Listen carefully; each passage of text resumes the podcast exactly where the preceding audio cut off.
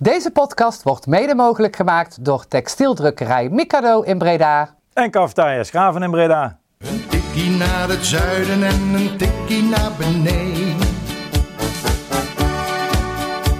Daar wonen al mijn vrienden en daar voetbalt NAC. Laat nu de klok maar luiden, er is toch niks aan te doen.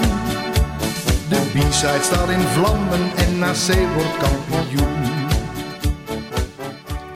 Uh, welkom luisteraars bij een nieuwe aflevering van een Tikkie naar het Zuiden podcast, nummer 133, de podcast van B-Side Reds. Um, ja, u hoort een misschien wat onbekendere stem in eerste instantie als gespreksleider. Hoezo onbekendere stem? Ja, onbekendere stem. Uh, een, een, stem die je misschien gelijk aan het begin mee verwachten. Maar uh, ik ben even met oude rol gekropen inderdaad als gespreksleider uh, bij de podcast inderdaad. En ja, u heeft de andere stem, één stem alweer gehoord. Dat is Levien. Goedenavond. Goedenavond. En Wouter is ook aangeschoven. Goedenavond. Goedenavond. Heren. ik ben blij dat we een keer een professionele host hebben. Dat, die steek ik heel graag in mijn zak. En gaan we heel snel door, want anders wordt het ook heel ongemakkelijk, denk ik. ongemakkelijk, denk ik. heren, ik heb een fantastisch weekend gehad. Dat had ik al op Twitter aangekondigd dat ik uh, vrij euforisch zou zijn uh, in deze podcast. Uh, dat he heeft ook alles te maken natuurlijk met de wedstrijd Roda-NAC. ik kan me voorstellen dat hier twee mensen zitten die net zo euforisch zijn als mij. Ja, het was een fantastische wedstrijd natuurlijk. Um, ik zat uh, lekker voor de televisie, maar uh, jij zat volgens mij in het uitvak. Dus dat zou ook wel echt uh, genieten geweest zijn. Ja, nou ja zeker gezien het feit, dat ik al zei, de voorspelling van mij was heel anders. Ik ging met nul verwachtingen naartoe. Maar hoe heb jij het beleefd, Levin? Ja, ik vond het fantastisch. Ik heb heel erg genoten. Ik heb het beste nak sinds tijden gezien. Beste nak sinds tijden. En dan, hoe moet ik dan tijden inschatten? lang, lang. Nee, dit was eigenlijk alles wat ik van, wat ik van, een, van NAC verwacht. Volle bak inzet, echt als een team geopereerd. leuke, mooie, verrassende dingen gezien. En uiteindelijk uh, de overwinning gewoon over de streep getrokken. Ik, uh, er viel echt, wat mij betreft, niks negatiefs op te merken aan deze wedstrijd. Niks negatiefs? Uh, ja, dan gaan we dat ook eigenlijk niet doen, wil ik zeggen. als je één punt zou moeten benoemen, Wouter, wat, wat, wil je er dan uithalen uit deze wedstrijd? Ja, dan kan je niet om een doelpunt van Van der Zanden heen. Dat is toch wel het hoogtepuntje van de wedstrijd geweest. Is dan Van der Zanden voor jou ook echt de missing link in dit team geweest? Um, nou ja, niet per se de missing link. Het is meer, het is volgens mij echt een collectief geweest. Waar je de afgelopen weken zag dat ze wel eens wat moeite hadden met uh, allemaal druk zetten of uh, ja, allemaal vol ervoor gaan. was het nu gewoon alle elf die op het veld stonden, die gingen ervoor. En Van den Zander is daar wel belangrijk in geweest. Goed, goed aanspeelpunt, bal vasthouden. deed leuke dingen met de bal. Um, maar om te zeggen dat het een missing link is, dat denk ik niet. Ik denk meer dat het gewoon een knop is die om is gegaan.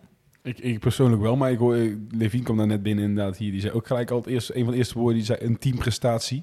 Uh, kun je toelichten waarom voor jou niet uh, bijvoorbeeld Van de Zanden de missing link daarin is? Nou ja, voor, mij is het wel een beetje. Ik denk dat we, ik zei ook al tegen jou voor de uitzending, dat ik toch wel een beetje een man crush op Jort van de Zanden na dit weekend heb.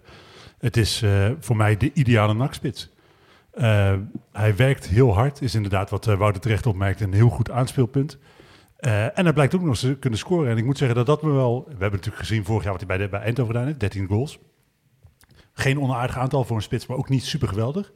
Uh, maar na drie wedstrijden staat hij op twee goals nu. En ik denk als je die lijn doortrekt... Ja, dan heb je misschien ook wel een doelpunt te maken die er meer dan 20 in legt. En dan valt er, denk ik, ja, bijna niks meer op hem aan te merken. Ja, het is eigenlijk, hij maakt nou ook twee prachtige goals. Ik ben benieuwd hoe hoe die is inderdaad als hij uh, echt van die spitse kansen krijgt. Want die heeft eigenlijk nog niet gehad. Een voorzitter die je zo in kan tikken of op de goede plek moet staan. Dus dat, dat misschien dat daarin mensen nog wel zeggen. Want ze harde werken, maar geen echte spits. Maar ja, als je dit doet, wie wil, heeft er dan kansen nodig uh, vlak voor de goal? En daar hebben we ook niet echt de vleugelaanvallers voor, hè?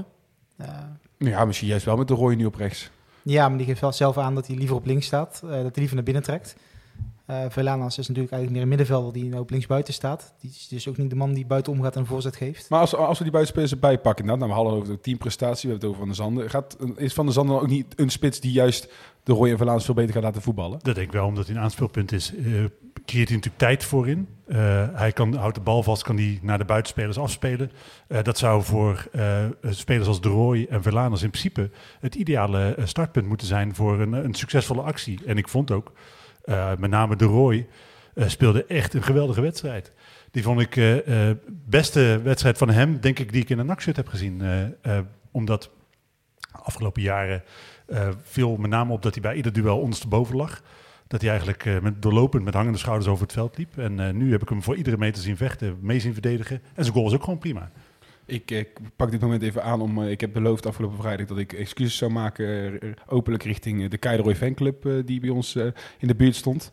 Ik had, na 20 minuten was ik nog wel een beetje kritisch op Keideroy. Hij die kans ook miste en alles. Maar hij heeft het allemaal goed gemaakt. Dus bij deze ook openlijk die excuses in deze podcast. voor als ze luisteren. Ja, ik heb beloofd. Maar eh, ja, Keideroy laat beter voetbal. Ik denk dat vooral als je het moment. Ik wil niet te veel momenten praten. Maar als het moment dan eruit pikken. Is het wel bij die ene kans die hij miste. Dan zie je ook echt de Roy die weg kan. van de Zanden die de Roy wegsteekt. Is dat het schoolvoorbeeld hoe het moet zijn? Eh, ja, het is natuurlijk wel heerlijk voor zo'n buitenspeler die eh, met snelheid eh, dat hij weggestoken wordt. Ehm, ja, ik, ik denk wel dat dit een van de krachten is die de Roy heeft. En ja, dus Van der Zanden kan hem echt prima in bedienen. En dat is iets wat we afgelopen jaren natuurlijk wel gemist hebben. Maar ik heb wel het gevoel dat bij de Roy eh, er ergens ook, en of dat nou in de begeleiding om het elftal heen zit, eh, of eh, gewoon simpelweg met de trainers eh, die, eh, die, die, nu voor de groep, die nu voor de groep staan te maken heeft, is wel dat hij veel harder lijkt te werken eh, dan eh, eh, in de afgelopen twee jaar. Ja, hij lijkt ook wel fitter. Ja, iets eh, breder ook wel. Ja. Nou, fitter juist niet. Hij zegt dat hij nog pijn heeft, hè? Ja, dat wel, maar... eh, hij lijkt wel meer conditioneel- inhoud te hebben. Ja, conditioneel Ja. fitter, zeg maar. Ehm, hij zegt inderdaad wel dat hij nog pijn aan zijn rug heeft. eh, maar dat hij ook denkt dat hij moet leren leven ermee. Het is wel fucked up hè, als je zo jong bent. Ja, zeker. Maar hij heeft natuurlijk ook gewoon echt een goede klik dat hij bij Eindhoven al met Van der Zanden. En eh, als de spits de buitenspeler goed begrijpt, ja, dan dat is natuurlijk fa- fantastisch. Ik, ik hoor jullie zeggen fitheid. Dat is iets wat, mij, wat ik ook eigenlijk genoteerd had, maar echt heel erg opviel. Is dat een hand van de trainer? Ik denk wel, dat is eh, heel erg duidelijk waar hij eh, deze zomer natuurlijk ook op eh, getraind heeft. Een van de dingen die hij in een interview gezegd heeft, hè, een dag voor de wedstrijd trainen we gewoon volle bak, want ik wilde de jongens meer inhoud kweken. Ik weet niet of je zo eind augustus daar al meteen alles van terugziet. Eh, dat weet ik gewoon niet. Of dat, oh, ik ben geen fysioloog. Ik kan me voorstellen dat het iets meer tijd nodig heeft om echt dat verschil te kunnen maken ten opzichte van andere teams. Maar het valt wel op. De de 3-1 is daar denk ik het voorbeeld van. Dat eh, aan het einde van de wedstrijd, als Roda net eh, eh, de aansluitingstreffer maakt, dat je meteen weer druk kan zetten, meteen weer gas kan geven en toch de wedstrijd nog voor het einde in het slot gooit. Ja, dat je niet nog akelige momenten voor het goal van Roy gaan krijgen. Nee, maar dat je blijkbaar de inhoud hebt om af te jagen en alsnog eh, de 3-1 te prikken. Dat, dat zegt denk ik iets over de conditionele gesteldheid van het elftal. Nou heb ik vorige week eh 3-0 voor Roda voorspeld. Dus ja, ik kan heel, heel simpel zeggen, ik zag het niet aankomen. Hoe ver heeft jullie verrast? Nou, ik had na de wedstrijd tegen Top Os, eh, ik, heb in mijn, eh, ik heb heel veel, heel veel Instagram-accounts, Eh, eh, mijn eh eh, Groundhopper-account. Ik had gezegd van, ja, weet je, ja, weet je, ik denk, we might be alright this season. En dat eh, had ik na Top Os al. En dat, eh, Dat had ik dus helemaal niet. Maar Waar kwam dat, hoezo zag je dat toen al? Omdat eh, de tweede helft met eh, Van der Zanden eh, toen ook al het een heel stuk beter liep aanvallend gezien. Dat er veel meer rust in het elftal zit. Het scheelt nogal hè, als je een Toch ontsnapte je op een paar Tuurlijk, momenten. maar dat, eigenlijk als je te- tegen Roda kijkt welke kansen zij gemist hebben, ben je in zekere zin ook ontsnapt. Er waren een paar echt 100% kansen die dan net voorlangs gaan. Dat was ook de reden waarom ik dacht, geen moment getwijfeld heb aan overwinning. Ik denk, ja, als je dit soort kansen Ja, mist, ja, dan gaan wij deze nooit van ons leven verliezen. Maar er zit wel met Van der Zanden in het elftal veel meer ja, structuur, een veel logischere startpunt van de aanval eh, in dan, dan zonder eh, Van der Zanden. Ik- ik- Ja, dat, dat, dat was je zegt zo. Het is natuurlijk wat je zegt, hè. Van der Zanden die kan inderdaad een, een bal vasthouden. Ehm, ja, Maar zag jij het aankomen? ja eh, ik had voorspeld dat NAC zou winnen. Dat klopt. Maar, ja, maar was dat uit, om- vanuit, vanuit je supportershart of vanuit realisme ook Ik al? denk meer supportershart. Eh van als je kijkt dat Roda de vorige wedstrijd gewoon drie doelpunten had gemaakt. Ehm, ja, dat, dat had ik wel verwacht dat NAC er ook een paar door zou laten. Want, Ja, maar ik snap dat wel, want eh, als we verloren hadden bij Roda, was, had ook niemand daar heel Nee. raar van opgekeken. nee, van het eh, Veldhuis heeft natuurlijk een wedstrijd niet heel goed eh, staan te verdedigen.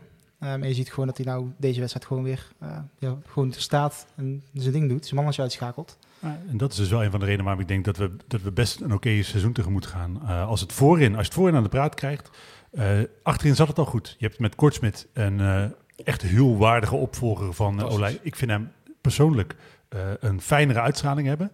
Hij eh, lijkt wat relaxter, minder boos op de wereld dan Olij is. Nou, hoop bij die tegengoal, als ik hem toezag. Tuurlijk, tuurlijk, maar dat is verjaardag. Hè? Ik zou ook boos zijn als ook. ja, nee. We hebben natuurlijk wel een beetje een traditie van boze keepers. Hè? Ja, maar Raoula was altijd heel boos. Zeker, Olij, het is ja. een echte persoonlijkheid nu weer die Van leer nooit. Nee, klopt. Nee, maar ja, boos op zichzelf misschien.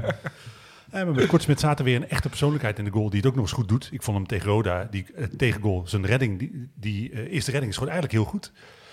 Dus de verdediging die ervoor staat klopt ook best wel aardig, vind ik. En Plat eh, vind ik ook een verrassend goede eh, verdedigende middenvelder. Dus ik denk, oké, daar zit wat talent omheen. Wat, je kan van jongens als Banzuzi en Agogil niet de wereld verwachten. Maar ik denk, ja, je kan wel nog iemand als vet brengen.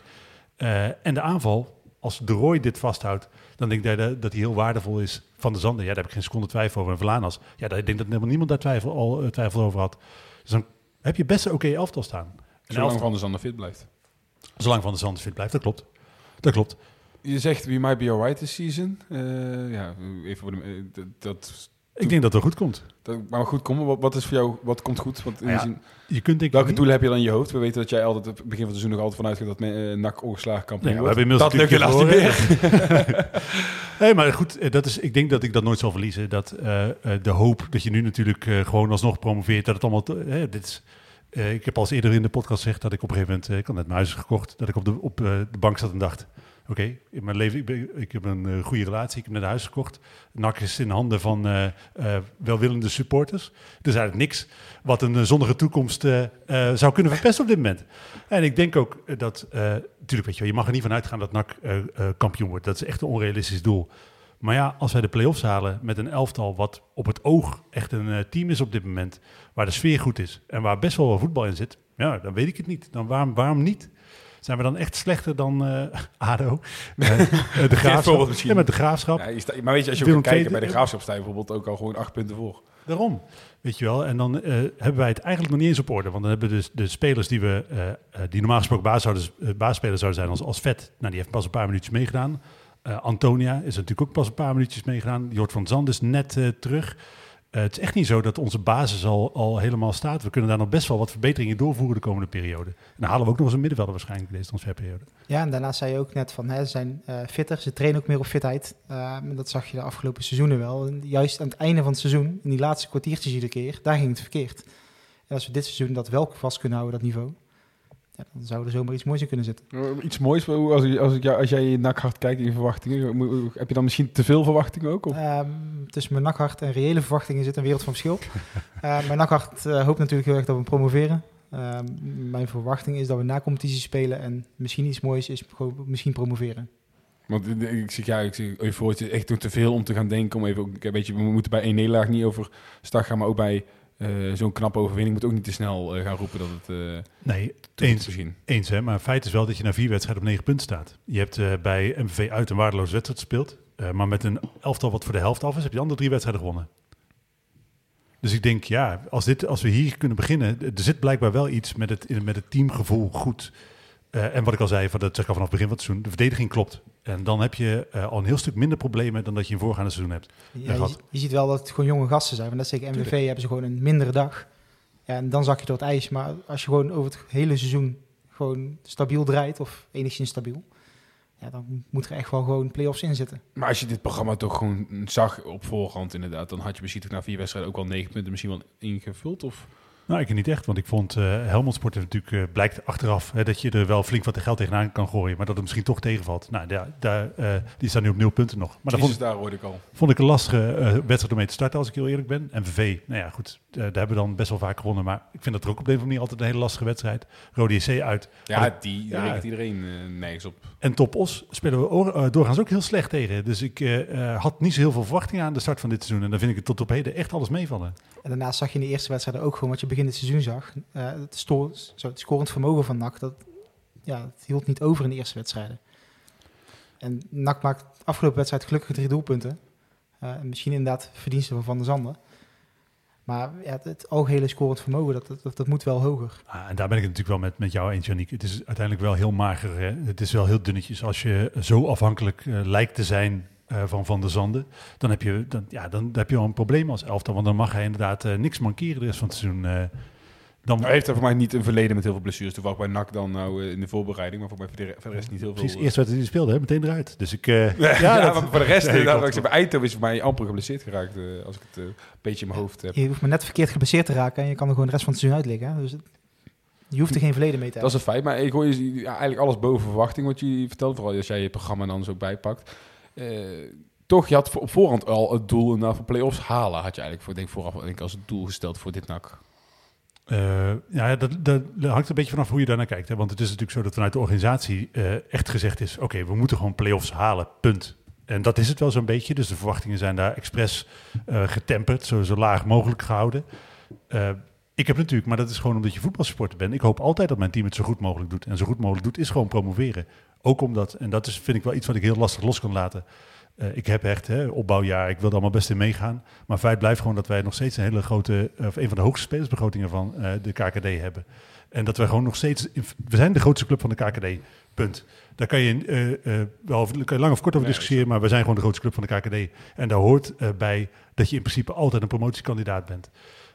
je kunt om redenen niet aan die verwachtingen voldoen, maar het is wel een verwachting die ik altijd zal hebben.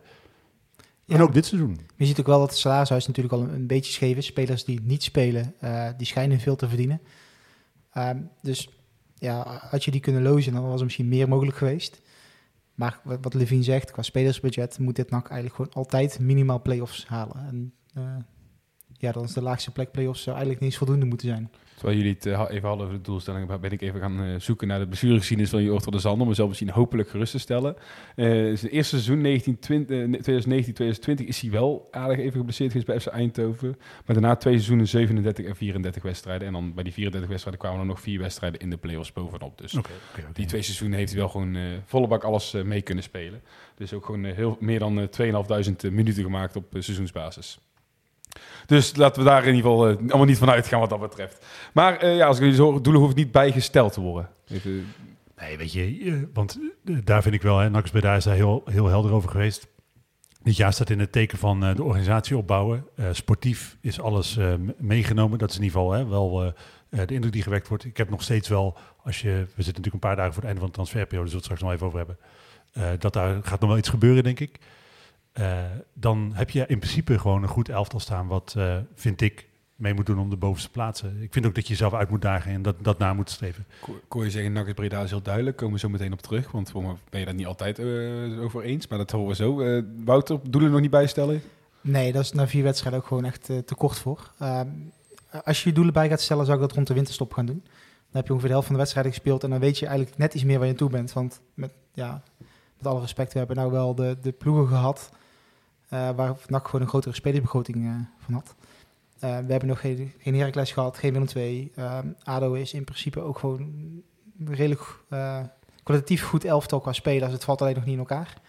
Of ja, het is in elkaar gedonderd juist. Ja, ja precies. um, dus maar, maar ik, ik, wat ik een beetje aan zit, kijk, ik weet dat jullie gaan niet roepen, nou we moeten ineens toch voor uh, directe promotie gaan. Eigenlijk zul je het mij ook niet horen roepen, maar toch als je een beetje gaat kijken, we moeten wel toch vanaf van het feit dat we ons continu in gaan lopen dekken. Want jij constateert ook al terecht, we hebben een van de grootste spelersbudgetten. We zijn gewoon een van de grootste clubs van uh, de KKD. En weet je, dan zeg ik niet dat we nou gelijk met de eerste twee gaan eindigen. Maar er toch bij aanhaken is toch het minste wat je... Dus kun je toch best wel op hopen, verwachten. Ja, maar ik denk wel als je gaat kijken naar welke clubs er gedegradeerd zijn. We hebben dan een, een hoog spelersbudget voor KKD-begrippen. Zij nemen natuurlijk in principe een Eredivisie-budget mee. Uh, Pek Zwolle, uh, Willem II heeft natuurlijk een goed gevulde bankrekening. Die hebben in principe heel veel mogelijk. Hetzelfde geldt voor Heracles. Dus dat zijn elftallen waar je het puur financieel in principe altijd tegenaf legt. Mm -hmm. uh, dus dan moet het in elkaar vallen. En nou ja, als, hè, ik heb dan tegen Rode JC de eerste tekenen gezien van een elftal wat wel in elkaar lijkt te klikken. Je weet natuurlijk niet, jij zegt ook al terecht Wouter, ja, het blijft een jong elftal, dus dat is per definitie wisselvallig. Dus ik denk, nou ja, die vierde plaats, uh, waarom niet? Ja, die vierde dan. Precies. Best op de rest, uh, daar, daar zit je dan om te mikken. Ja, en dat stond vandaag, uh, volgens mij voetbalprimeur, stond een artikel dat ze gesproken hadden met verschillende technische directeuren over het budget wat ze hadden.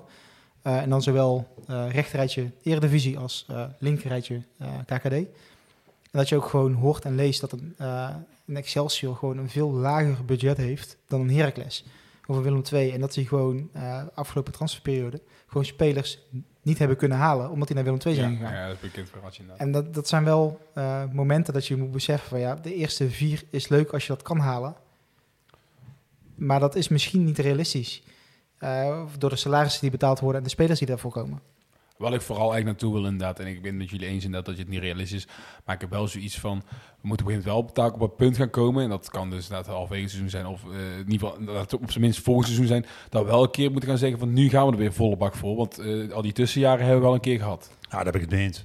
En ik uh, denk, ik, ik, vind daar wel dat je uh, een beetje reëel moet zijn. Het is natuurlijk niet het zoveelste tussenjaar onder dezelfde leiding. Nee, het is natuurlijk een andere leiding van de club die uh, echt met een volledig afgebroken organisatie beginnen. Ja, dat kost gewoon tijd. Dus ik heb daar op zich wel, wel begrip voor. Eh, maar inderdaad, je zal op een gegeven moment wel af moeten van die tussenjaren. En ik, eh, nou ja, dan dit jaar moet je dan denk ik nog maar geduldig zijn. Eh, maar volgend jaar zijn er geen excuses natuurlijk. Maar als dit jaar weer een tussenjaar wordt en we halen de play-offs, eh nippertje net wel, net niet promoveren. Met de spanning aan het einde, dat zou ik op zich ook wel prima vinden. Dat heb ik En als voor je dan altijd een beetje de spanning erin aan blijven Ja, maar als dan volgend jaar eh, het jaar is waarop je wel kan bouwen, van er lopen ook een aantal jongens uit het contract volgend jaar volgens mij, Ehm, dan heb je wel die budgetten om, om iets te kunnen. Ja, dan zou het natuurlijk gewoon mooi zijn.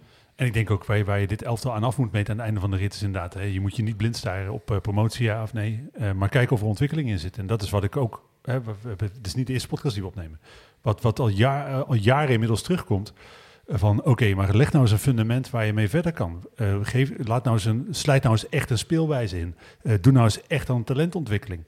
En als ik dat soort dingen terugzie, eh, en je loopt inderdaad promotie mis, ja goed, dan ben ik geen ontevreden mens aan het einde van het jaar. Dan weet ik namelijk dat we een goede basis hebben om het jaar daarna inderdaad wel succesvol te zijn.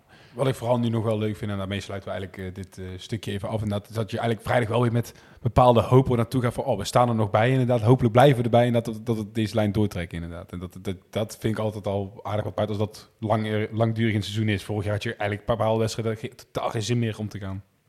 Nee, ik ook niet. Nee, en dat lag natuurlijk eh, grotendeels ook aan de verkoop, eh, eventueel wel, eventueel niet Ja, van handen van City. Ook En- wat er op het veld stond en wat. Ja, dat klopt, maar dat, het is bij mij wel echt een combinatie van geweest. Ehm, van op een gegeven moment, als het op het veld niet meer leuk is en die- de, de leiding is zo, zo bezig, ehm, dan voel je daar ook geen klik meer mee. Ja, en daarom denk ik, ja, we zaten natuurlijk in het uitvak. Ja. Eh, dat vond ik ook al eh, tegen MVV heel erg opvallen. Eh, de klik tussen tribune en het veld, die lijkt er 100% te zijn. Eh, dat is natuurlijk ook wat je in thuiswedstrijd hebt gezien, maar ik vind dat een uitwedstrijd altijd extra opvallen. Oh, in welke zin viel het je nu op dan? Want ik zit even na- na te ja. denken. Ik vond wat ik, wat ik dan anders vind dan andere jaren, is ik even na te denken. Nou ja, wat, wat Wouter zei, hè, de, met- ik heb zelf ben ik echt met, in die periode dat, eh, dat er verkoop aan eh, City aan de orde was, eh, het gezeik met eh Stijn, met Manders, de hele flikkerste bende, eh, ben ik echt emotioneel afgehaakt op de club. Eh, echt, ik had, was er helemaal klaar mee. Ehm, echt helemaal klaar mee. Eh, en het, het, het eh, spel op het veld interesseert me ook geen ene reet meer. Die hele play-offs tegen ADO, ik denk ja leuk, maar of, of we nou zouden promoveren of niet, interesseert me geen ene flikker. En ik merk nu dat dat eh, echt heel anders is. Ik heb veel meer, ik gun het elftal veel meer. Ik zie Ja, jongens, die manier, ja. eh Marijnissen, eh, Van Schuppen, weet je wel, dat zijn jongens die echt, die, die hadden, die, we hadden van plek kunnen wisselen, in principe, qua de manier waarop wij NAC be- beleven. Ik heb jou zien voetballen, dat, dat kan dat, niet. dat, dat, hè, disclaimer. Maar in, principe, maar in principe weet je wel, dat zijn jongens die de club begrijpen. En dan hoor ik zo'n Van der Zanden in zo'n interview, eh, die ook eigenlijk alleen maar super realistische dingen zegt. Die ook zegt, ja, weet je wel, eh, supporters, eh, de juiste dingen over supporters. Niet gemaakt, weet je wel, maar dat je echt denkt, oké, jij snapt wat, jij snapt hoe het werkt. Dus dat ook alweer echt leuk om een beetje van de zanden dan te zingen van spitsen met rode haren die kunnen scoren, dat is niet mis. Dus dat lijkt ook altijd, ja, dan, da- op die manier als je dat inderdaad aanhaalt, dan klopt het inderdaad zeker wel dat je in het uitvak veel positiviteit had en veel binding hebt met dit elftal. Ik persoonlijk zo inderdaad in het uitvak, ja. Ik denk dat eh, de uitwedstrijden ook eh, steeds eh, sneller uitverkocht gaan raken op die manier. Maar dat is het. Het elftal heeft de gunfactor. Er staat een enthousiast uitvak. En het is ook een eh, groep spelers die waardeert dat het uitvak vol zit. Dat ze toegejuicht worden. Dat, dat echt waar. Dat voelt echt anders dan eh eh, afgelopen twee jaar voor mij. Ja, meestal zijn die eerste thuiswedstrijden, zijn ook een beetje die zomeravondwedstrijden. Dan is de sfeer nog een beetje gelaten, moet je een beetje wennen aan het publiek en de spelers. En ik vond nou ook dat gewoon de sfeer, de eerste wedstrijd, dat die al gewoon meteen erin zat. Nou, Essen Spiek, het is vijf over acht. Als je nu naar een beetje naar buiten kijkt, je ziet het al wat donkerder dan eh, tegen Helmond inderdaad. Dan krijg je ook meer dat avondje nachtsfeertje nog eh, extra. Dan, eh, ja, het zal vrijdag nog niet zijn, maar nou, zeg de eerst vroeg is het wel echt eh, donker. Ja, dan, Ja. Die sfeer is dan toch wel anders en nou, dat ben ik wel met je eens. Ehm, ja, wat ik zeg, sluiten we dat stukje even af, want dan gaan we door. Want eh, er was transfernieuws, maar geen transfernieuws qua spelers, maar qua een eh, adviseur die werd gepresenteerd. Een grote naam, een big fish, zoals, dat, eh, zoals ze dat noemen. Eh, Toon Gerbrands. Ehm, was het voor jullie nog een verrassing? Of spreek ik dan te veel uit mijn eigen, eh, dat ik het misschien wel e- eerder achter had aangekomen? Nou ja, het is natuurlijk een tijdje lang een, een gerucht geweest. Ehm, op een gegeven moment is hij gaan ontkennen dat hij nog iets in loondienst bij een voetbal, binnen de voetballerij wilde doen. Ja, het, het is geen complete verrassing meer geweest. Dat, ik, je weet natuurlijk nooit zeker of dit echt, echt gaat gebeuren. Maar ja, Ik Je zag het wel een- aankomen. Een publiek geheim was het eigenlijk. Ja, maar wat Wouter zegt klopt wel. Het is, je zag het aankomen. Maar het is dan toch, vind ik wel een beetje verrassend dat het uiteindelijk rondkomt. Dat ik denk, oké, hij heeft dan toch blijkbaar voldoende eh, positiefs gehoord om hier zijn handtekening om te willen zetten. En dat vond ik, ja, dat dat uiteindelijk lukt om hem binnen te halen. Want wat je zegt, het is een grote vis. Dat eh, eh, vond ik niet verrassend, maar wel verrassend. Ben ben je blij ook de rol die hem dan voorgeschoteld is? Of had je dan gezegd, nou ik had liever nog altijd dat hij eigenlijk wel echt algemeen directeur werd? Of is dat dan te veel gevraagd? Nou ja, hij, eh, hij is natuurlijk een bewezen algemeen directeur. Dus ik had hem graag als algemeen directeur gehad. Ik vind een adviseursrol is altijd is per definitie vaag. Eh, want adviseren is gewoon niet meer dan je mening geven en daar betaald voor krijgen. Eh, dat is gewoon, ja, je, je, hoeft, draagt geen echt expliciete verantwoordelijkheid en mag je overal tegenaan bemoeien. Dus ja, oké. Ik had hem liever inderdaad in een meer formele rol gezien. Maar ik denk dat iemand met deze staat van dienst altijd zijn bijdrage heeft. En dat hij je club hoe dan ook verder helpt. Ja, en zijn mening helpt je ook gewoon verder. Hè. Tuurlijk. Hij heeft zoveel jaren ervaring met AZ. Hij heeft heel die club opnieuw opgebouwd. Eh, met PSV ging het ging niet goed met PSV toen hij kwam. Eh, die heeft hij ook weer... Ook niet, ook Terug niet op de die kaart wegging. Nee, maar hij heeft hem de- tussentijds is, heeft hij hem wel weer even op de kaart gezet. En, Ah ja, ja, dat, en er staat er bij PC er ook gewoon een gezonde club nu. Ja, ja. Dus eh, ik, ik moet even kijken hoe ik dit nou breng. Hij Ah ja, want je werkt ook voor Omroep Brabant PSV wordt zo toch? Dat is het. Zeker, zeker. Ah, oké, dat is. eh, ah ja, oké. Nee, ja, uiteindelijk is hij inderdaad door de voordeur weggegaan. Maar wel een voordeur die door bepaalde mensen gewoon wagenwijd open werd gezet. Van loop maar, loop maar inderdaad. En die moet dus, weet je, maar dat doet voor mij niks af van echt, eh, die man inderdaad is, ja, ik heb hem een paar keer meegemaakt inderdaad. fascinerende man. Heeft echt bewezen werk geleverd. Maar bij PSV was weet zijn tijd ook net wel op wat dat betreft. Eh want weet, ik kan de spandoeken, die spandoeken waren wel prachtig. Was toonballen, geen boeken. Was het spandoek bij PSV. Dus het is niet dat het altijd roze geur, eh maneschijn is. Maar ja, dat is denk ik bij geen enkele voetbalclub ja, ook maar als hij, je hij zo heeft daar natuurlijk ook vrij lang gezeten. Hij heeft volgens mij 12 jaar bij AZ gezeten en 8 jaar bij PSV, uit mijn hoofd. Ja, volgens mij ook zoiets. Ook En- een- Andersom dacht ik maar. Dat kan ook, maar in ieder geval wel vrij lang. En Ja. ja, op een gegeven moment is het ook gewoon klaar. Eh, Mhm. dan kan je niet... Dus je, je, je plannen zijn, zijn op. Eh, je moet je nieuwe gaan bedenken en dat lukt niet altijd meer. En dat is natuurlijk wel iets wat hij nou opnieuw bij NAC kan gaan doen. En dan kan hij opnieuw gaan, gaan bouwen. Feit blijft inderdaad dat een, een bewezen naam is wel gewoon in de voetballerij inderdaad. Met, eh, ondanks dat je natuurlijk altijd inderdaad ups en downs zal hebben. Ehm, zegt het, hoeveel zegt het jullie over de plannen die NAC Breda heeft? Ehm, nou ja, bij, eh, in iedere fase hebben we natuurlijk ook bewezen namen binnengehaald. Hè. Dus we- Manders was tot op zekere hoogte een eh, eh, bewezen naam. IJzing gehaald. Nou, als ik daar een voorbeeld van mag noemen, even dat is wel grappig inderdaad. Ik, ik heb die verhalen, die verhalen hoor je dan later. Toen, toen sprak ik dus met Toon. Tony die riep dus echt al van ja, toen hij Manders aangesteld werd, ja, toen was- zat ik nog niet bij PSV, maar ik heb dat later dus gehoord. Toen riep hij al van ja, wat, wat gaat Manders daar doen? Wat doet NAC zichzelf aan? Dat was eigenlijk helemaal niet zo'n bewezen man, zeg maar. Dus ja, het zou, beetje, dat is wel mooi als je dan misschien zo iemand al mee kan nemen in dat in het proces richting het aanstellen van algemeen directeur. Ah ja, en dat is dus het verschil wat mij betreft. Eh, de- nu heb je iemand die eigenlijk niks meer hoeft. Hij is klaar, zegt hij zelf in de voetballerij. En eh, het feit dat hij dan toch denkt, oké, dit is wel een hele leuke klus waarbij ik echt potentie zie. Eh, nou ja, daar, daar ontleen ik wel aan dat die plannen vast goed in elkaar zitten. Dat in ieder geval het, pad wat geschetst wordt, een pad is waar hij iets mee kan. En hij herkent de potentie in de club. En ik denk dat we het daar allemaal over eens zijn. Dat als je een keer de potentie eruit haalt, ja, dat je in principe een club eh, maar- na Twente zo'n beetje qua grootte zou moeten kunnen maken. Dat je zegt van hij kent de potentie, ja, die verhalen die hoor ik elke keer bij iedereen die aangesteld wordt wat dat betreft. Dus Ja, maar het is natuurlijk wel anders. Eh, kijk, ze zijn er bezig met eh, een stichting eh, op te zetten. Eh, er moet een bestuur voor aangemaakt worden. Maar komt het Toon Gerbrands naar je toe om te vragen van... joh, zou je erbij willen? Of, hij gaat niks vragen, hè? Nee, maar hij, hij is wel eh, een adviseur en een klankbord. En hij is uiteindelijk wel iemand degene die, die mensen adviseert om, om het wel of niet te doen. En die is misschien ook een vraagbaker voor. Er ook wel een beetje gesprekken voor. Hij zat er af en toe wel aanschuiven als dat gevraagd wordt, lijkt mij. Plus je ziet Nee, eh, overal op internet zie je wel zijn naam erbij staan. Van Toon Gerbrands Ja. komt bij NAC ik denk, helpen. ik denk Dus- dat hij gewoon bij of eh, namen dropt of dat een NAC Breda met namen komt en dat het op die manier en dan eh, zal hij zeggen ja of nee, maar die gaat hij bij gesprekken zitten. Ik verwacht wel een iets meer actieve rol dan dat hij, op zijn, op, eh, dat hij thuis achter de keukentafel minstens gaat sturen, zit te sturen van, ah, dat is wel een goeie, dat is ook wel een goeie. Ga daar eens mee praten. Ik Maar- verwacht wel iets meer. eh, Maar als hij dat doet, dat zijn mensen binnen zijn netwerk die die kent. ja, dat is waar. waarvan die weet dat ze het kunnen. Waarvan ze die ook weet dat ze interesse hebben. Anders gaat hij die namen niet droppen. Dus daar heeft hij er al een keer, een keer informeel Mhm. contact over gehad. En dat is dan toch anders. Eh, kijk, Van Eck, hartstikke fantastische man. Maar die, niet in de voetbalwereld eh, is hij niet heel bekend. Nou ja, dat is toch anders of zo'n Van Eck binnenkomt. Eh, wil je met me praten? Of eh, vrolijk? We hoeven niet precies, we hoeven niet alleen Jasper af te kraken. Nee, nee, nee. nee maar dit is even het eerste voorbeeld wat ik in mijn hoofd Nee, heb. ik snap wat je bedoelt. Ik Maar je vrolijk ook. Ja, dat is ander. dat- ze komen toch anders binnen, zeg maar. En dat, is, dat zijn grote namen, maar binnen de voetbalwereld kent niet iedereen ze. En Gerbrands, iedereen kent hem. En dat is gewoon veel makkelijker praten. Ik denk wel dat Wouter daar echt een punt heeft. Je- Er zit zeker wat in, zeker. Nee, eh, ben ik mee eens. Ik- Maar toch zag ik jou ook kritisch reageren onder, eh, op de website. Natuurlijk, maar ik denk dat algemeen bekend is dat ik een ongeduldig mens ben. Eh, dat Dat is vooral op terug, wil je niet eigenlijk zeggen. Nou ja, nee, niet. Want ik vind, eh, en dat is natuurlijk wel zo. Ik, heb die podcast die we met Sebastian eh Verkuilen opgenomen hebben teruggeluisterd. En eigenlijk werd daar de, het beeld geschetst. Dat, Dat, we- weet het beeld door hem geschetst of is dat het beeld dat, dat jij creëerde nee, dat werd door hem geschetst. Want hij, Ja. het, het eh, aanstellen van de mensen eh, zou parallel lopen. In ieder geval het zoeken van de juiste mensen zou parallel lopen aan het eh, eh, goedkeuringsproces. Maar- en, en dan zouden er zo rond 1 september zouden eigenlijk eh, de eerste mensen aangesteld moeten zijn. En dat was niet een adviseur die aangesteld zou worden. Dat was echt niet de verwachting die gewekt Maar zou ze op dat moment ook gedacht hebben dat Toon eh, interesse oren zou hebben naar zo'n functie als adviseur? Dit kan Ja. wel eens het buitenkantje geweest zijn waar ze, eh, waar ze gewoon van geprofiteerd hebben. En weet je, Toon, het langer Toon wilde tot, eh, hij is tot 31 juni of juli, ben ik, juni of juli, ben ik even niet precies, voor mij juni was het, was hij in dienst bij PSV. Tot die tijd wilde hij geen enkel gesprek of enkele aanbieding krijgen. Hij, Ja, maar het, kan, weet je wel. En ik denk ook, het, eh, ja, het kan kloppen, hè, wat je zegt. En dan is het ook in principe niet gek dat het iets langer duurt.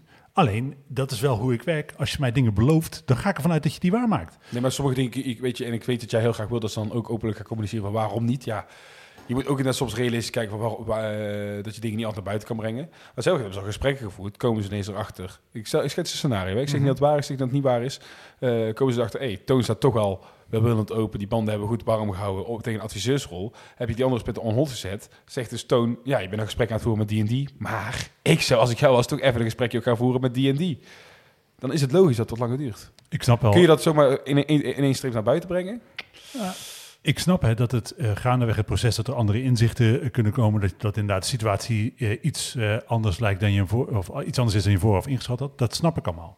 Het, het zit er mij meer in het feit eh, dat, ja, had het beloofd hè. Dat, eh, ja, dat, ja, maar voor mij, eh, dat is één. En twee denk ik, dat is natuurlijk wel gewoon zo. Tegen de tijd dat je nu, de verwachting is 1 januari, als je dan een algemeen directeur aangesteld hebt, is het natuurlijk niet zo dat hij op 1 januari meteen een vliegende start maakt. Die zal tot maart zo'n beetje nodig hebben om volledig ingewerkt te zijn. En dat is eigenlijk het moment waarop je alles voor komend seizoen al in de stijgers moet hebben staan. Dat, het, er zit gewoon, je kan niet eindeloos lang doen over dit proces. Er zit gewoon eh, een bepaalde tijdsdruk achter. En ik snap dat je zorgvuldig wil zijn, dat je de organisatie in wil richten. Maar volgend jaar, dat geef ik je nu al, dat beloof ik, ik, ik ben volgend jaar ongeduldig. Volgend jaar moeten we promoveren. Punt. Ja, dat is gewoon zo. Dat is, eh, ik heb daar geen geduld. Ik wil willen ze zelf ook, hè? dat hebben ze al eh, een paar keer ook aangegeven. Helemaal eens. Eh, maar de- de- er zit gewoon tijdsdruk achter. Er moet op een gegeven moment moeten de mensen op de juiste plek zijn. Dan heb je op 1 januari weliswaar misschien een al- algemeen directeur. Maar waar is je technisch directeur dan? Je kan niet eindeloos lang over dit proces doen. Nou, maar ze geven nu ook aan. En ik snap dat je dan zegt, ja, dat heb je vorige keer riep je ook dingetjes inderdaad. Maar ja, ze kun je altijd alles in twijfel trekken. Maar ze hebben nu wel aangegeven, voor volgend jaar...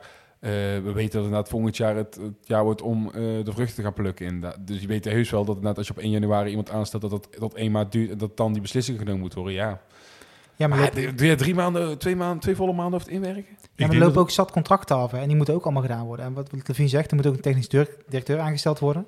Eh, die gaat de contracten of verlengen of eh, af laten lopen.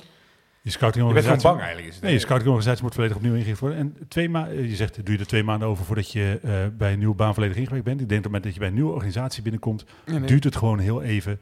Eh, niet alleen voordat je je functie kent, maar ook voordat je de organisatie goed snapt. Dat is gewoon niet op je eerste werkdag. Nou, maar eh, bij zo'n grote organisatie, wij spreken even, ja, het is niet zozeer dat er heel veel mensen werken, maar toch als je dan gaat bij spreken reorganiseren, dat, dat is toch onlosmakelijk verbonden met tijd. En dan snap ik dat het niet leuk is om te horen, maar dit kost nou eenmaal tijd. En ja, dat dat dan in januari pas die algemeen directeur aangesteld worden. Je kunt niet nu het kan, je kunt het niet versnellen misschien. Nee, maar ze hebben toen destijds iets beloofd, eh, of beloofd, toegezegd. Ehm, en achteraf krijg je het nou ook niet eens in een, in persbericht van Toon Gerbrands te lezen. Eh, komt in de podcast van de Stem en dat is prima ook. Maar hadden het eh, meteen moeten communiceren van joh, we hebben Gerbrands pas aan kunnen laten sluiten. Ehm, daardoor duren sommige processen iets langer. En had je gewoon een goed verhaal gehad. En da- daar zit voor mij wel een beetje, hè, want ik, eh, eh, en dat is gewoon ook, dat moet ik eerlijk zeggen, de negatieve ervaringen van de afgelopen twee decennia. Eh, het heeft gewoon heel vaak is het zo dat mensen met supergoeie intenties aan iets beginnen en dan blijkt het allemaal toch complexer te zijn dan ze gedacht hadden. Valt het toch allemaal een beetje tegen. En ik wil niet zeggen dat ik geen vertrouwen in de gasten van Nakkers heb. Ik heb hartstikke veel vertrouwen. Ik vind het een supergoed idee waarmee ze starten. Ik, heb, eh, ik vind dat ze het op een goede manier aanpakken. Het gaat me iets langzamer of zwaar, weet je wel. Maar feit is wel dat het vertrouwen eh, wat ze nu van mij krijgen, wat, ik heb echt vertrouwen in ze. ze moeten dat vertrouwen wel waarmaken. En ik wil dan gewoon echt resultaten zien. En tot, tot, die, tot die resultaten er zijn, ben ik gewoon eh, een, be- een beetje wantrouwig is wat overdreven, maar dan heb ik wel me- een beetje gereserveerd. Ik- Eerst zien dan geloven. Snap je punt. En ik eh, ben het volledig met je eens inderdaad dat je zegt van ja, Sebastian heeft ook bij ons in de podcast geroepen van ehm, het loopt een parallel en dergelijke. Maar ik vraag me ook af, hij zal het enthousiast geroepen hebben, of eh, ja, dat, dat is een feit nu in ieder geval dat, eh, dat het niet zo is. Maar ik vraag me dus af, inderdaad, we zitten allemaal, wel te, eh, met, allemaal heel hard te hopen van ja, volgend jaar wo- wordt het seizoen om de vruchten, eh, ja, om de, dat de vruchten zich af gaan werpen. Ehm, hoe realistisch is dat? Nou ja, we hebben net vastgesteld dat we dit jaar eigenlijk ook, ook kunnen promoveren. Dus waar, dan volgend jaar niet? Waarom volgend jaar Nee, maar ik bedoel meer zin om echt een volledig complete organisatie helemaal, eh, daar, daar hebben we het over sportief gezien, maar echt qua organisatie helemaal alles kant en klaar staat. Dat iedereen helemaal op volle bak ingewerkt is, eh, weet wat hij moet doen. Nou ja, dat was mijn punt. Eh, het je hebt, zoveel tijd heb je niet. Eh, dat is Maar mijn hoezo heb je die tijd niet? Nee, maar ik denk, hoe langer het duurt voordat de mensen op de juiste plek zijn, hoe langer het duurt voordat de organisatie functioneert. Ja, snap ik. Maar hoe realistisch is het dat er aan het eind van dit seizoen Maar- al een hele organisa- Als- nieuwe organisatie is opgetuigd? als je kun, je, kun je januari- dat wel verwachten Als je van in januari een algemeen directeur aanstelt. De, als je iemand kiest met ervaring, die heeft vast ook wel eerder gewerkt met technische directeur waar hij tevreden over is. Eh, dat zou zomaar een koppeltje kunnen zijn die binnenkomt. Dan kan het vrij snel gaan, hè, dat er gewoon wel een organisatie staat. En eer dat iedereen is ingewerkt en de club helemaal goed snapt, Ja, dat kan dus best lang duren. als scoutingsapparaat. Dat klopt. Eh, we hebben natuurlijk wel een scoutingsapparaat eh, rondlopen. Eh, Lex Junior, maar dat, ja, dat is een ander verhaal. Eh, nee, ja, het, is best realistisch dat er iets staat, maar het, lopen contracten af. Eh Verlanas loopt af bijvoorbeeld. Dat is wel je doelpunt te maken op dit moment. Ehm, dat, die moet verlengd worden voor 1 januari eigenlijk. De Roy, hetzelfde verhaal. Precies. Ehm, en er lopen ook contracten af. Eh, van Rutte, eh Lijon volgens mij loopt af. Je hebt natuurlijk een bak huurlingen. Ja, precies. Je, je hebt heel veel, eh, heel veel posities zo meteen open. En die moeten ingevuld gaan worden. En eh, als je pas op 1 april die gesprekken gaat, die gesprekken gaat beginnen, eh, dan ben je vaak al gewoon te laat. En het is natuurlijk niet helemaal zo dat ze op nul beginnen, want deze selectie voor dit seizoen is natuurlijk ook ingericht. Eh, maar ik, ik- ja, ik weet niet. Ik, ik vind wel dat je, je moet gewoon voortmaken. Dat is het gewoon. Je moet gewoon... Ik, ik hoop, hoop met jullie mee, maar ik betwijfel echt ehm, hoe realistisch is dat er nu binnen nu een jaar een volledig ingewerkte organisatie staat die eh, ja, gewoon staat en dan genoeg eh, gewoon een basis heeft om naar de Eredivisie te gaan. Qua organisatie denk ik wel, misschien qua spelers niet. Nee, en dat- en dat is qua spelers juist wel. Ja, dat is een beetje afhankelijk natuurlijk. Kijk, Ja, maar eh, Een selectie, in een selectie samenstellen, dat, dat is, eh, daar ben ik juist misschien van, dat kan wij spreken in een maand nog even. Ik snap dat het, dat ze misschien niet de beste scouting allemaal gedaan hebben, maar je zou dat, dan zal het niet op het beste team misschien neerkomen, maar dat maakt me dan nog het minst zorgen om. Nee, maar spelers komen ook vaak voor een trainer of eh, voor een visie van een club of, of een visie van een technisch directeur. Nou ja, als je die niet hebt, wordt het al wel lastiger. Eh, Ja, want dat is natuurlijk ook zo. Een trainer eh, voor volgend jaar hebben we in principe ook niet. We hebben Ja. nu Molenaar, maar die is ook maar voor een jaartje vastgelegd. En NAC heeft natuurlijk de afgelopen jaren eh, qua imago ook wel wat schade gehad. Ja, is, er- is er een ding gebeurd afgelopen jaar? Ja, precies. Ehm, dus het, het is moeilijker om, eh, om spelers te binden eh, dan het een aantal jaar geleden was. Want toen wilden spelers graag voor NAC spelen. En is dat nu nog wel zo? Eh, dan moet je gewoon met een goed verhaal gaan komen. En heb je dat goede verhaal als je net ergens een week werkt? Ehm, ja, dan kan je iets zeggen, we gaan opbouwen. En ik zie jou echt als speel van, eh, van het elftal en, en doen. Maar als je dan nog geen trainer hebt, dan wordt het alweer lastig. Ik denk dat we gewoon af moeten wachten. Ja, ik denk dat, dat, dat je gewoon... hebt vaker dat technisch directeur, en je ziet het nu bij Heracles en eh, Willem II bijvoorbeeld ook, dat technisch directeuren echt pas in een eh, net begin van de transferperiode beginnen. En dan moeten ze ook ineens een selectie bij elkaar zetten. En ja, oké, bij Willem II is nog de vraag hoe het uitpakt. Heracles lijkt goed uit te pakken. Dus eh, daar, maak, ja, daar, daar maak ik me dan het minst zorgen om. Ja, maar daar is de rest van de organisatie wel stabiel, hè? La- laten we afspreken dat we in ieder geval, Wou- Wouter zei ook we gaan in de winterpas, eh, gaan we eh, onze verwachtingen voor dit seizoen bijstellen. Nou, daar- laten we dan voor ja, dit moment dat even afspreken dat we gewoon tot het einde van het seizoen wachten voordat we met fakkels en hooivorken uh, Nee, nee, gaan. dat is helemaal niet. Maar is meer, je probeert inderdaad ook verwachtingen te scheppen. Ik heb een aan- en uitmodus, hè? Dat, eh, dat, ik ben of boos of chill. Dan ga ik vooral het, knopje boos even nog niet indrukken. Dan gaan we heel snel verder. Want we hebben het inderdaad over een selectie samenstellen. Eh, de, de, de transferperiode is nog, as we speak, eh, twee dagjes en drie uur, drieënhalf uur open. Eh, er zit nog wel wat aan te komen, hè? In de vol van de middenvelder. Ja, hopelijk wel. Ja. Het is aanvallend zie je op middenveld dat er, dat er nog te weinig in zit. Zowel Banzuzi als Agogil eh zijn gewoon twee grote talenten. Maar missen wat scorend vermogen. Eh, je zag de wedstrijd tegen Roda ook. Eh, de kans die, eh die Banzuzi kreeg, dat die weggestoken werd door de Veldhuizen. Veldhuis. ja, dat, dat, mist hij gewoon. Misschien is de ketchupfles dat er eentje moet komen dat de rest komt. Maar je mist gewoon scorend vermogen in je elftal. Dus een aanvallende middenvelder die doelpunten maakt en die er meteen staat. dat zou denk ik echt wel wonderen doen voor dit elftal. Ja, het is, het is ook gewoon dat, dat duidelijk. NAC is er natuurlijk al een tijdje bezig met de nummer 10. Eh, er zijn wat eh, namen voorbij gekomen inderdaad. Een Spanjaard weer voorbij gekomen en dergelijke. Ja, de vraag is net of het gaat lukken nog in twee dagen en drie Maar uur. Maar is- kennende zal het een uur van tevoren wel gebeuren. Is het een goed idee? Jij zegt van niet. Nou ja, ik, heb- ik denk... Zo nee, nee, suggereert u met Nee, deze je- vraagstelling. Je, je kunt verschillende, je kunt daar verschillende verhalen van maken. Weet je, ik denk als je kijkt, jij zegt uh, Banzuzi inderdaad, hè, die was er niet beslissend tegen Rode C, maakte wel heel veel meters. Eh, is natuurlijk een van de grootste talenten die je in je selectie hebt. Moet je die niet ruim baan geven om zichzelf te ontwikkelen? Je hebt op de bank eh, van Schuppen zitten. Afgelopen seizoen, ondanks het feit dat hij niet eh, alles gespeeld heeft, zes goals, zes assists. Had, denk al wel, als hij basisspeler was geweest, dubbele cijfers. Bij één van die twee op zijn minst gehaald. Waarom geef je hem niet de kans? Waarom haal je een, een, een speler van buiten, als een huurling is? Ja, dan haal ik mijn wakkel en hooivork nu uit het vet. Want eh, dan denk ik, oké, wat is dan het plan voor dit seizoen? Eh, ik wil, eh, of je, als je een speler van, van begin 30 haalt, ja, dan ben ik ook niet tevreden. Ik, wat is het idee? Weet je wel, ik ben niet per definitie voor het halen van een, een nieuwe speler op die positie. Nee, dit is natuurlijk omdat talentontwikkeling in, de weg staat. Ik bedoel, zowel Banzuzi, uh, Ogogiel en Van Schuppen zijn gewoon drie grote, of drie, grote, drie talenten die, die restwaarde hebben zometeen. Uh, Vet heeft ook wel restwaarde, maar dat is ook niet de, de scorende middenvelder. Uh, Plat is ook nog maar jong, is ook niet de scorende Maar middenvelder. Weet je, weet je welk plan je dan had, had moeten schetsen als het daar weer gebeurt? Stel je komt haalt daar een nummer 10. Ja, dan had je van Schippen, van, uh, van Schippen of Algegiel uit moeten lenen. Ja, bijvoorbeeld. Maar ja, dat maar, kan ook nog gebeuren. Kan maar dan, maar dan moet het wel gebeuren. Als, uh, als zij op de bank zitten de rest van het seizoen, dan vind ik dat nee, echt kapitaal vernietiging. Daarom ben ik het helemaal mee eens inderdaad. Maar dat had, dat had dan een plan geweest. Nou, dat je dan iemand bijspreken van, ja, of het dan een huurling wordt of dat je iemand binnenhaalt. Uh, ligt ook allemaal een beetje afhankelijk van leeftijd, uh, leeftijdsgebonden. Maar heel even, een huurling, zou dat voor het Jupe betreft opzien? heb je de vijf, hè? Dat slaat echt, dat vind ik, nou, vijf in principe basisspelers ook dan. Ja. Of ja, vier en een half, want uh, Herman is natuurlijk voor, de, voor de bank. Het zou mij te veel zijn. Ja, mij ook. Ik ben al bij huurlingen van mening, als ze je beter maken, dan maakt het mij niet uit. Ja, maar dan moet je wel, uh, met vijf huurlingen, dan moet je voor voor promotie gaan. Ja, precies. En anders, als dit de echte tussenjaar is, dan moet je juist die jonge jongens de kans geven van dan staan ze er volgend jaar wel als je moet promoveren. Helemaal eens. Dan telt de lange termijn, weegt de lange termijn voor, voor mij echt zwaarder dan de korte termijn. En ik, ja, ik vind juist met huurlingen erbij, weet je, als je gewoon weet inderdaad dat een Verlanas verlengt, de Roy, wij spreken als hij loskomt verlengt, dan, dan maakt het mij niet heel veel uit. Dan heb je steeds een grote basis staan die ook dit jaar weer de ervaring op uh, gedaan heeft. Dat klopt, maar ik zie wel heel graag eigen jongens spelen. Um, en als je kijkt hoe zo'n Banzuzi, Agogiel van Schuppen, um, hoe die zich ontwikkelen en hoe, hoe die spelen op dit moment. Uh, het is echt niet altijd even goed.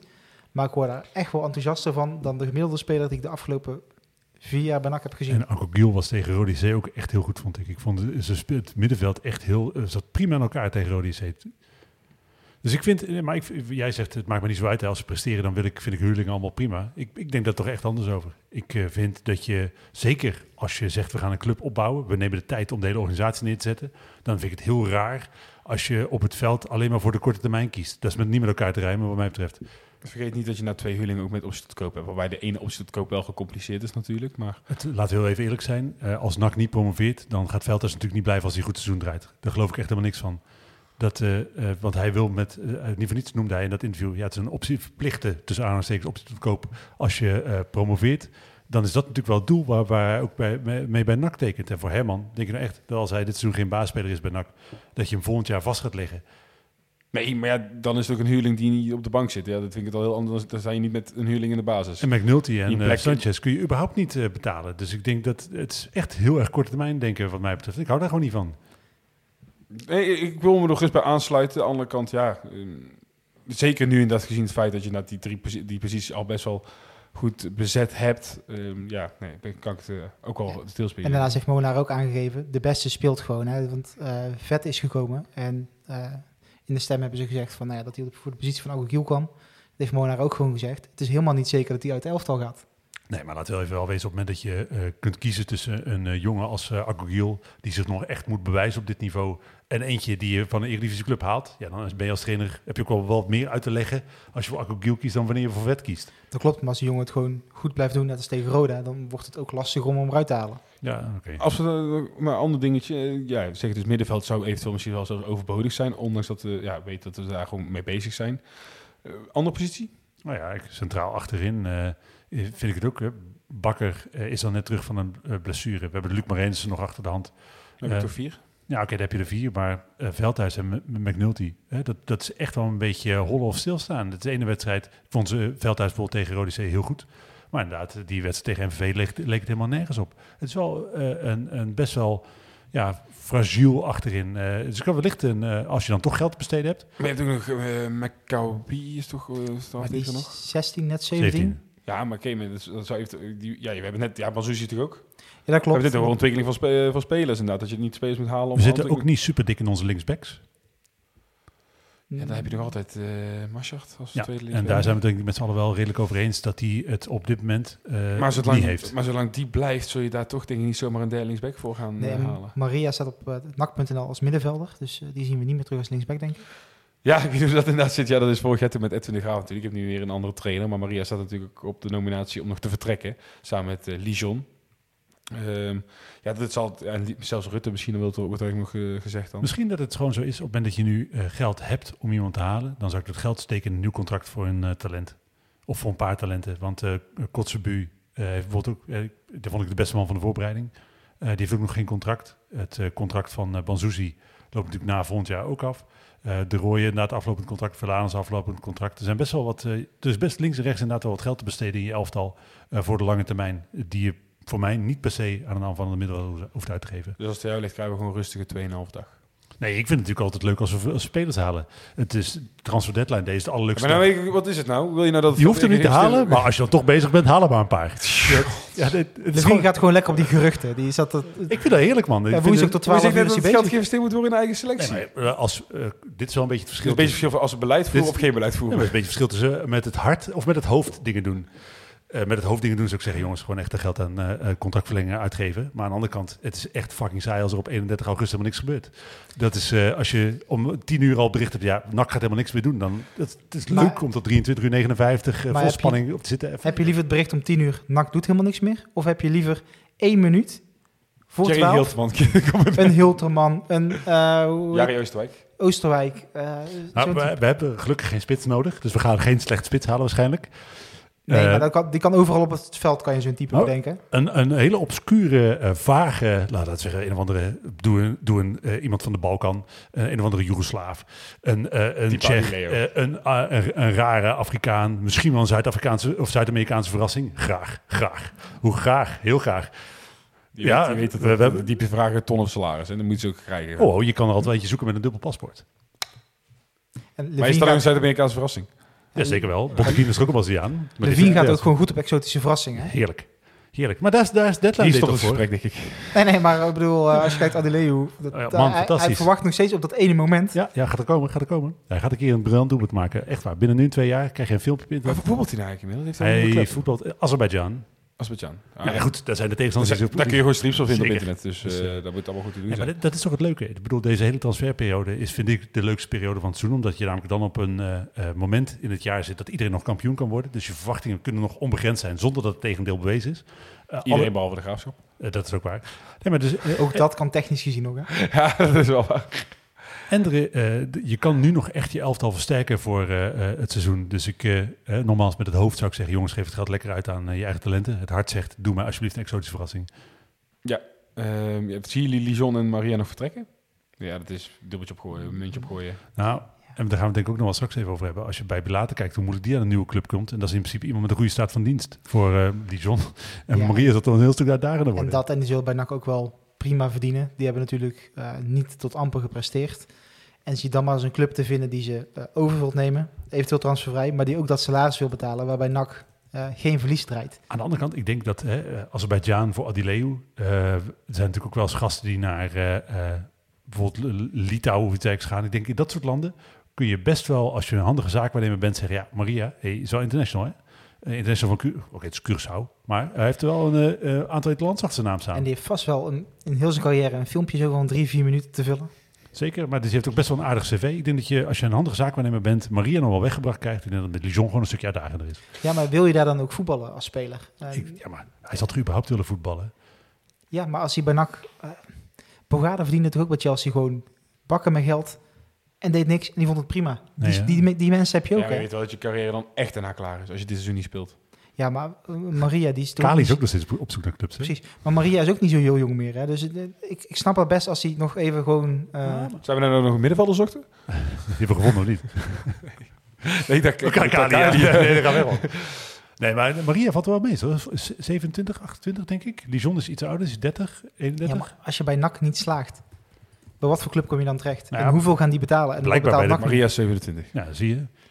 Ja, maar als je 27 bent en geen idee hoeveel dat hij verdient, hè, maar eh, stel hij verdient hier uh, eh, 60.000 euro per jaar. Lijon 30.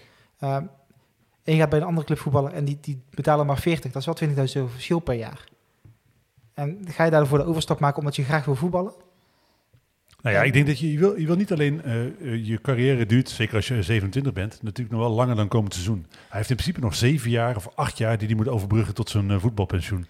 Uh, dus dan zou ik op dit moment denk ik altijd kiezen voor speelminuten. Ja, maar je weet ook niet wat voor niveau zo iemand heeft qua wat hij nog in zijn maatschappelijke carrière kan. misschien is dit wel het moment dat hij denkt van ja, ik kan niet hoger. ik ga toch maar voor mijn maatschappelijke carrière of ik ga toch maar voor iets anders kiezen blijf speculeren. Uh, we zitten een beetje, ik zit even naar de klok te kijken. Uh, dus ik wil een kort en duidelijk antwoord. Moreno Rutte houden of wegdoen? Wegdoen. Ik vond hem best wel goed invallen. Dat weet ik. nou, zei hij ook kort antwoord. Nee, mag, ik, nee. mag toelichten uiteraard wel, maar... Uh, als hij dit seizoen echt fit is... en ook zichzelf herontdekt heeft in de, de, afgelopen zomer... en toch besloten heeft dat hij geen bejaarde man is... maar nog een topsporter... Uh, dan uh, wil ik het wel zien dit seizoen. Dan heb je in ieder geval, uh, maar dan moet het ook echt, hij heeft ook voor hem geld, hij heeft alles te bewijzen. Scheelt wel, als hij weggaat, moet er denk ik nog wel een respect bij. Ja. Dat lijkt me wel een feit wat dat betreft. Nou, sluiten we dat stukje af. Gaan we vooruitkijken naar vrijdag. thuiswedstrijdje weer. we hadden het net al over dat het steeds meer een echt avondje nak elkaar donkerte. Uh, FC Eindhoven komt op bezoek. En dan gaan natuurlijk de harten al sneller kloppen, want dat betekent ook Rob Penders. Tenminste, die harten zag ik al sneller kloppen bij sommige mensen op Twitter. Hoe zit dat bij jou, uh, Wouter? Ja, Rob Penders is uh, een van de verdedigers die in mijn eerste nachtseizoenen op het veld stond. niet dat ik zo jong ben, maar ik ben pas laat naar gegaan. Je ziet er wel oud uit. Ja, precies. Een beetje kalend zo. Dus dat, dat, begint al te komen. Nee, maar ik ben op mijn 16e voor de eerste keer, of de eerste keer, uh, toen kreeg ik mijn seizoenskaart van NAC. Daarvoor was ik al een paar keer eerder geweest, maar nog niet echt verkocht aan de club.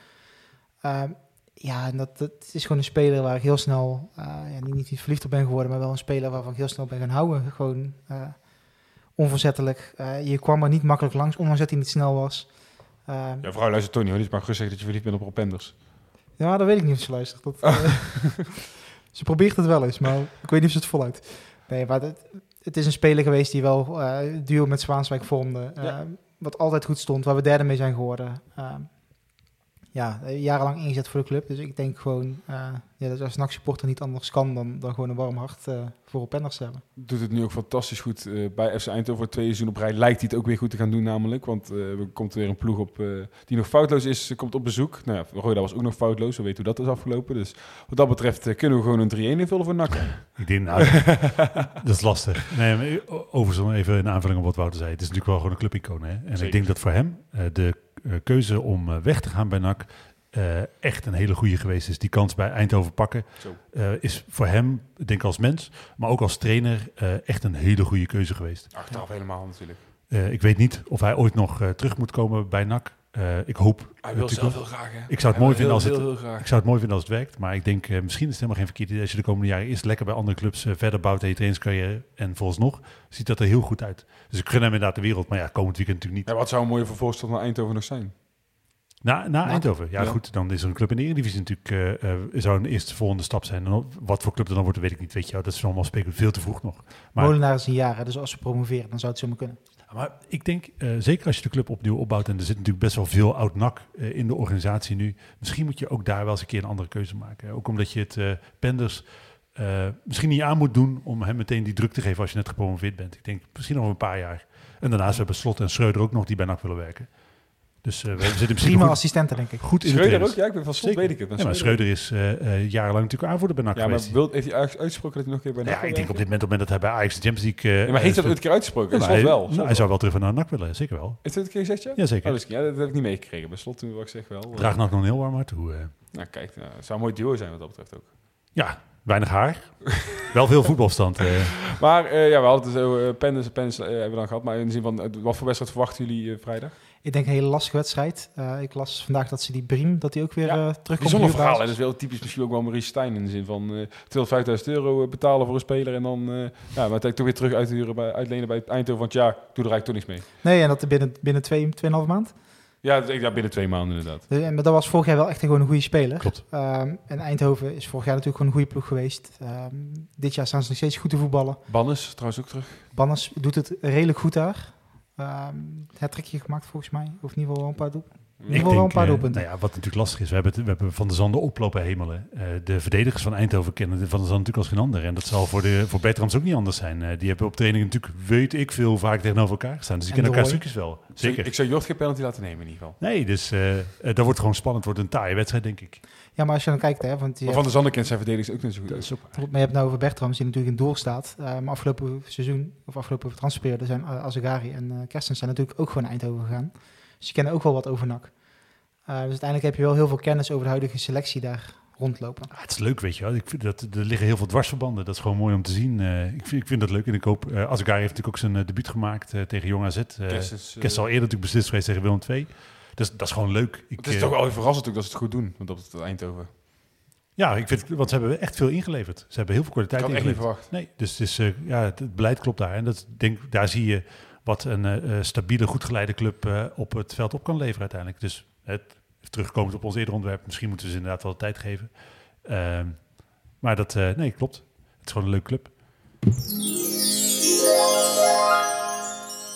Dan is dit onlosmakelijk eh, deuntje verbonden altijd aan onze korte voorbeschouwing in de podcast. Eh, ja, wil ik voor jullie de ruststand, eindstand en de eerste doelpuntenmaker eh, horen. Dan zou ik gaan voor 1-0, 2-1 en doelpuntenmaker van de Zanden. Eh 1-1, 3-2.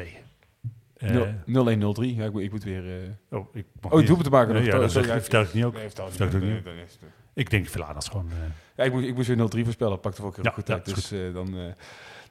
nee, dat denk ik overigens niet dit keer. Maar eh, ik, ik zal het toch wel weer voorspellen wat dat betreft. Eh, we sluiten hem eh, traditioneel af met een ex-NAC rubriekje. Eh, die starten we in Rotterdam. Met Olij, die keeper van de week was. Ik heb die wedstrijd overigens zelf niet gezien. Hebben jullie die wedstrijd gekeken tussen Eagles en Sparta? Nee, ik heb stukjes gekeken. Was hij echt... eh, Ja, is gewoon een goede keeper. Maar goed, het, ja, Ja, maar ik, ik, heb, ik heb geen reddingen gezien of zo. Nee, maar het is gewoon een goede keeper. Weet je wel, het is gewoon, hij eh, trekt de lijn die hij bij NAC ingezet heeft eh, gewoon door. Hij eh, presteert ook op een hoger niveau. Hij doet het gewoon goed. Niet de Ja, enige trouwens. Daarmee zie je natuurlijk ook wel dat eh, zijn persoonlijkheid daar wel mee helpt. Want eh net zo'n Brondeel was bij NAC ook gewoon goed. Eh, doet een niveautje hoger, waar er iets meer druk is bij Twente natuurlijk. Deed het niet heel goed. Nee.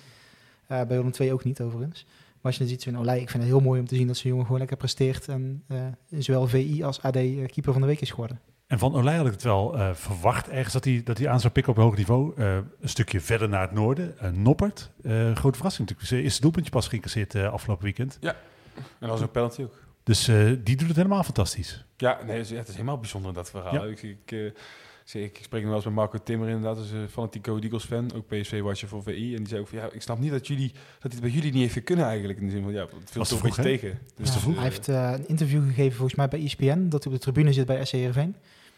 En dat, daar spreekt hij ook gewoon van, joh, eh, het, het was het allemaal net niet. En, eh, of ik had zelf net het niveau niet, of ik had gewoon pech dat degene die voor me stond gewoon veel beter was. Eh, momentjes die hij wel gekiept heeft, eh, hij heeft het niet specifiek over NAC, maar wel eh, momenten die hij wel gekiept heeft, dat hij daar zijn kans niet heeft gegrepen. Ehm, dus dat dan wel aan meerdere dingen lag. Eh, maar dat hij daardoor wel is gegroeid als mens en mede daardoor nu staat waar hij nu staat.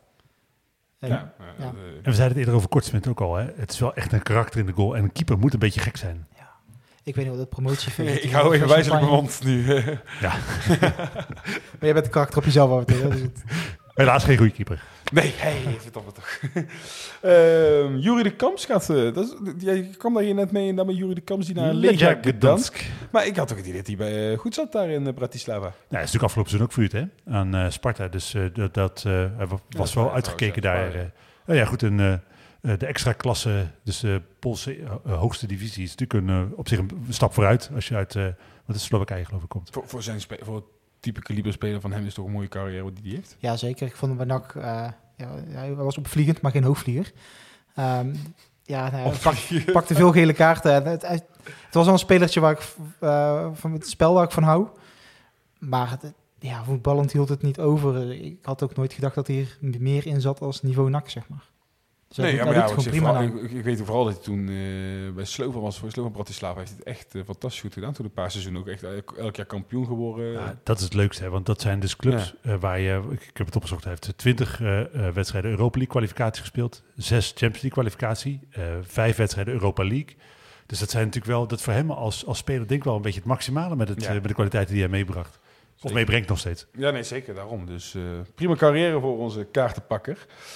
Van Hekken, debuutje in de League eh, Cup en de Premier League. Ehm, het is dan toch maar de vraag of, de, of die transfer richting Sunderland doorgaat.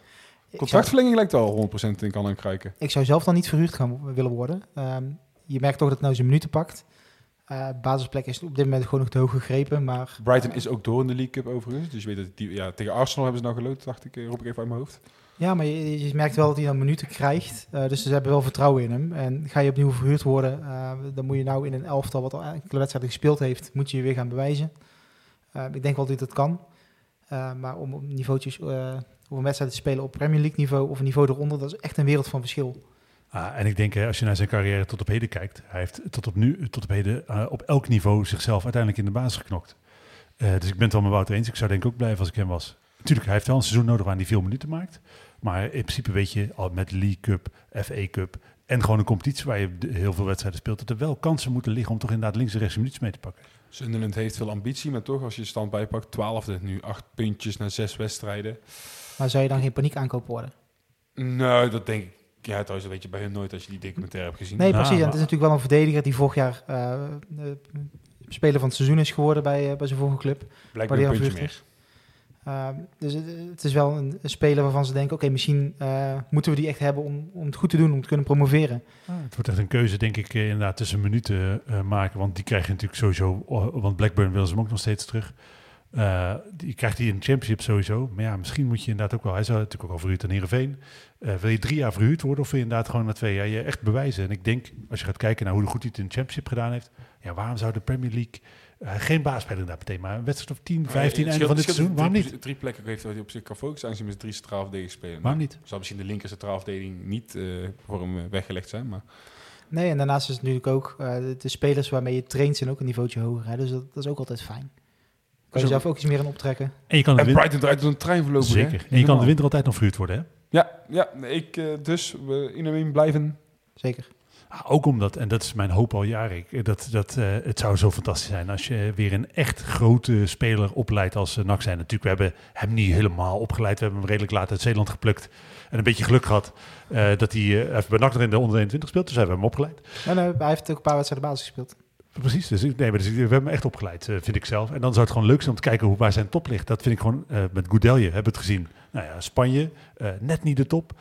Uh, Sevilla uh, met uh, Bayram natuurlijk Turks top. Ik vind dat mooi man. Dat, van, van Hekken is denk ik van de oudspelers die we op dit moment hebben... die bij ons onder contract hebben gestaan. Dus niet de huurlingen. Degene met de beste kansen. Ja, nee, zeker weten inderdaad. En ja, het WK is net te vroeg. ah, moet, ik weet niet of welk jaar is dat. Ja, maar dat, dat is wel echt voor hem zuur hè. Dat er ja. zo ongelooflijk veel goede verdedigers op dit moment zijn. Maar toch... Maar misschien kan hij zich laten dit, dit WK uiteraard nog niet, maar toch zie verschilt in hem. Hij heeft wel de postuur en hij heeft hij alles al mee natuurlijk. Hè, bravoure en, hij komt uit Oud-Zeeland, misschien kan hij zich voor Nieuw-Zeeland laten naturaliseren. Hè? Dat, uh... Tot zover dat niveau. We hebben nog twee spitsen in de aanbieding. Uh, Perica wil weg uit Israël. Uh, was zijn familie kan daar niet komen, wat was het verhaal? Ja, hij uh, staat in de belangstelling van Standaard, die uh, ergens tussen de 1 en 2 miljoen euro voor hem over hebben.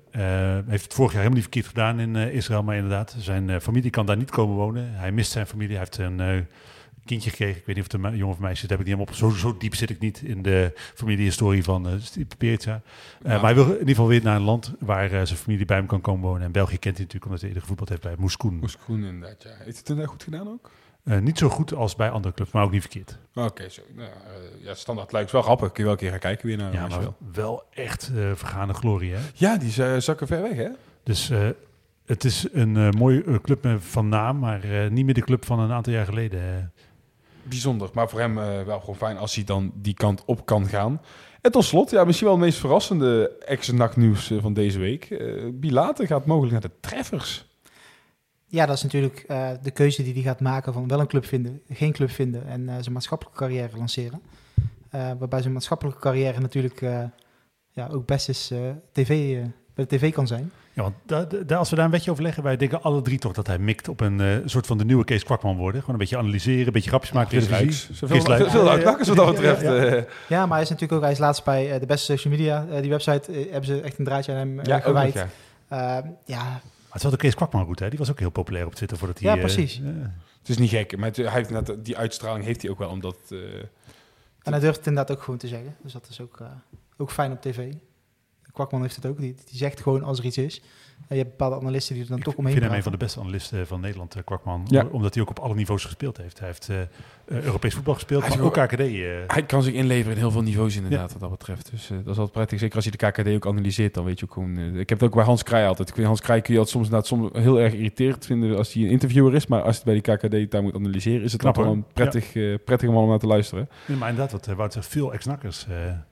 Ja, ja Heel veel, heel veel. Ja, Hans Krij natuurlijk ook Ja, een beetje. Nee, dat, eh, dan zie ik je op je telefoon nog een klein beetje zijn inderdaad naar nog, iets, eh, naar nog een andere spits inderdaad. Ja. Ja. die hebben we vorige week in de podcast zelf nog gesproken, maar je wil hem toch nog een keer eh, aanhalen? Ja, nou, ik bedacht me dit net. Ik zag dit voorbij komen. Uh, Sidney van Hooydonk heeft eh 10 doelpunten gemaakt in 17 wedstrijden eh, voor Heerenveen. En de eerste, of de vorige spits die dat gedaan heeft, dat is eh Finn Bogason.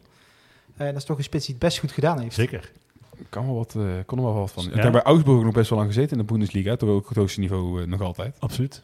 En En ik, qua ik- spits in het Nederlands elftal, Ja, dat is ja. makkelijker als... eh, Nee, maar you heard it here first. Hè. Dit, ik- dit, is al, een- dit is iets wat ik al heel lang zeg. Vanaf het moment dat hij eh, afgelopen seizoen zijn huurcontract bij Heerenveen erop zat, zei ik, hij moet terug naar Heerenveen, omdat hij daar met Sar Sar. Ja. Ja, ja, nee, zeker waar. dubbele cijfers 100% gegarandeerd dit seizoen. En ja, dan- dat is nou niet meer zo moeilijk inderdaad. Nee, maar Hij is al bijna halverwege. Als je als, eh, kijk maar eens naar de historie van Heerenveen en welke spitsen zij afgeleverd hebben. Als je bij Heerenveen dubbele cijfers haalt, dan eh, kan je altijd een goede transfer maken.